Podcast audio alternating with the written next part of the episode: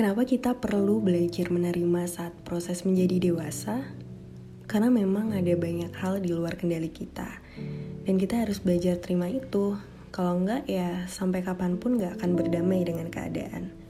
Sekuat apa pun kita berusaha, sebaik mungkin apa yang udah kita lakuin, akan ada waktunya juga kita gagal.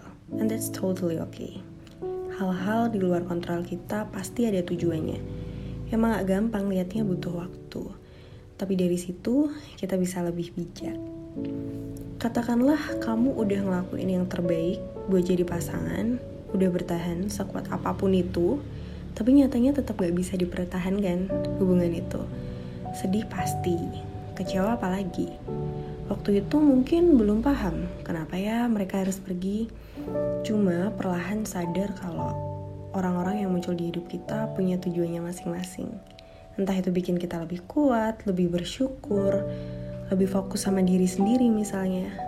Percaya deh, suatu saat nanti kamu akan sangat bersyukur.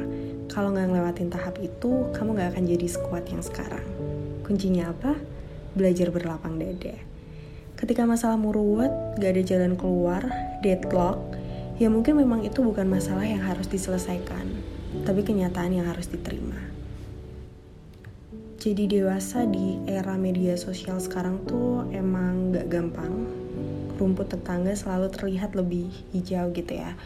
Kayak semalam aku habis Google Meet bareng teman-teman aku ada yang kerja di FMCG ada yang di big law firm ada yang jadi pengusaha dan sebagainya kalau kita lihat di sosial media ih enak banget ya. Dia bisa dapat A B C. Tapi sebenarnya di setiap role apa pun itu pasti ada pain pointnya masing-masing. Cuma kan emang di permukaan nggak kelihatan aja. Kadang kita juga mikir kok mereka bisa achieve goals yang di usia segini ya? Sedangkan aku masih di sini aja scrolling TikTok. Kamu punya rencana dan tujuan sendiri. Orang lain juga demikian. Dan ini nih yang sering lupa Tuhan sama alam semesta pun juga punya rencana dan tujuannya masing-masing. Ya kalau rencananya teman kamu udah kesampaian duluan ya, ya udah happy aja buat mereka. Semoga abis ini rencanamu. Kalau dipikir-pikir capek gak sih iri sama pencapaian orang terus? Toh kita gak pernah tahu story behindnya seperti apa atau sisi gelap di setiap perjalanannya orang lain itu kayak gimana. Fokus aja sama apa yang bisa dilakuin hari ini. Hasilnya nanti gimana ya bukan kuasa kita kan, itu urusan Tuhan. Aku bukan satu-satunya manusia di dunia ini. Begitupun juga kamu. Kita juga bukan satu-satunya orang yang punya keinginan ataupun harapan. Ada ibu, ada bapak, ada bosmu, ada temanmu, ada tetangga yang punya keinginan juga.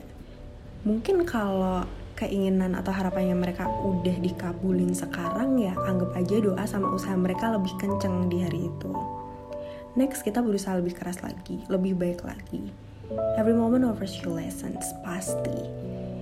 Buat sampai ngomong kayak gini ataupun menerapkan omongan ini emang gak gampang butuh proses. Tapi in the end of the day pasti bisa meresapi apa maksudnya dari sekarang bukan waktunya kita. Besok mungkin belum tapi suatu saat nanti pasti akan datang waktu itu. Kita kan cuma manusia ya ada banyak hal yang di luar kuasa kita gak perlu marah atau ngambek terus sampai do nothing gitu gara-gara capek nggak ngerti mau ngapain lagi. It's fine wajar banget kok. We have to realize that life never goes as planned. Knowing that some things will still go unexpected mau kita nangis teriak-teriak yang namanya kenyataan ya tetap kenyataan harus tetap dihadapi. Mungkin kalau lagi burnout atau lagi capek mikirnya aduh habis ini ngapain ya? Aku harus ngelakuin apa ya biar keluar dari kejenuhan ini dan sebagainya Padahal caranya cuma jalanin aja, lewatin aja, sampai tahu-tahu nggak sadar, oh iya ya ternyata aku bisa loh ngelewatin ini, sampai akhirnya kita jadi lebih tough lagi. Contohnya kayak, kenapa sih aku lahir di keluarga yang kurang bisa ngasih privilege lebih kayak teman-temanku? Aku jadi nggak bisa punya circle yang aku pengen, atau mungkin di hubungan dia mutusin aku gara-gara keluarga aku nggak sepadan atau mungkin kenapa ya hidungku nggak mancung atau postur tubuhku kok pendek sih padahal aku pengen jadi model. Kamu tau nggak? Kita juga nggak minta kayak gitu kan? Kalau boleh minta mah lahir langsung jadi adiknya Rafathar gitu. It's okay, kamu gak dinilai dari hal-hal yang aku omongin tadi, itu di luar kontrolmu. Sekarang saatnya lebih bersyukur sama manfaatkan apa yang ada.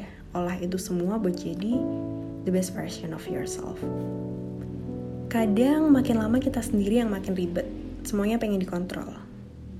Udah sekuat tenaga nih biar kelihatan cakep, pinter, modis. Kok dia tetap ya nggak suka sama gue?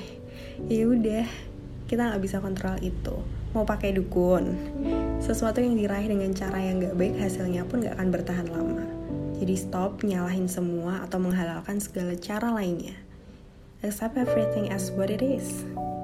Kalau ada kejadian yang gak sesuai sama apa yang kamu harapkan, ya terima itu. Kecuali itu memang bisa kamu rubah dengan kendalimu. Diusahakan lagi ya, silahkan, monggo aja. Percaya deh, segala sesuatu yang gak jadi milik kita, ya itu memang bukan hal yang kita butuhin. Jadi sedihnya jangan terlalu lama. Bukan minta untuk jangan sedih ya, gak bisa lah, kita manusia. Tapi ya sedihnya jangan berlarut-larut, ingatkan semua ada porsinya. Coba lagi jernihin pikiran, connecting the dots, cheer up. Besok coba lagi. Gagal itu wajar kok, wajar banget. Mending mana nih? Capeknya kerja keras karena kita mencoba, atau capeknya nerima penyesalan karena kita memutuskan untuk nggak mencoba sama sekali. So, trust yourself, trust your God, and trust the universe. Good luck!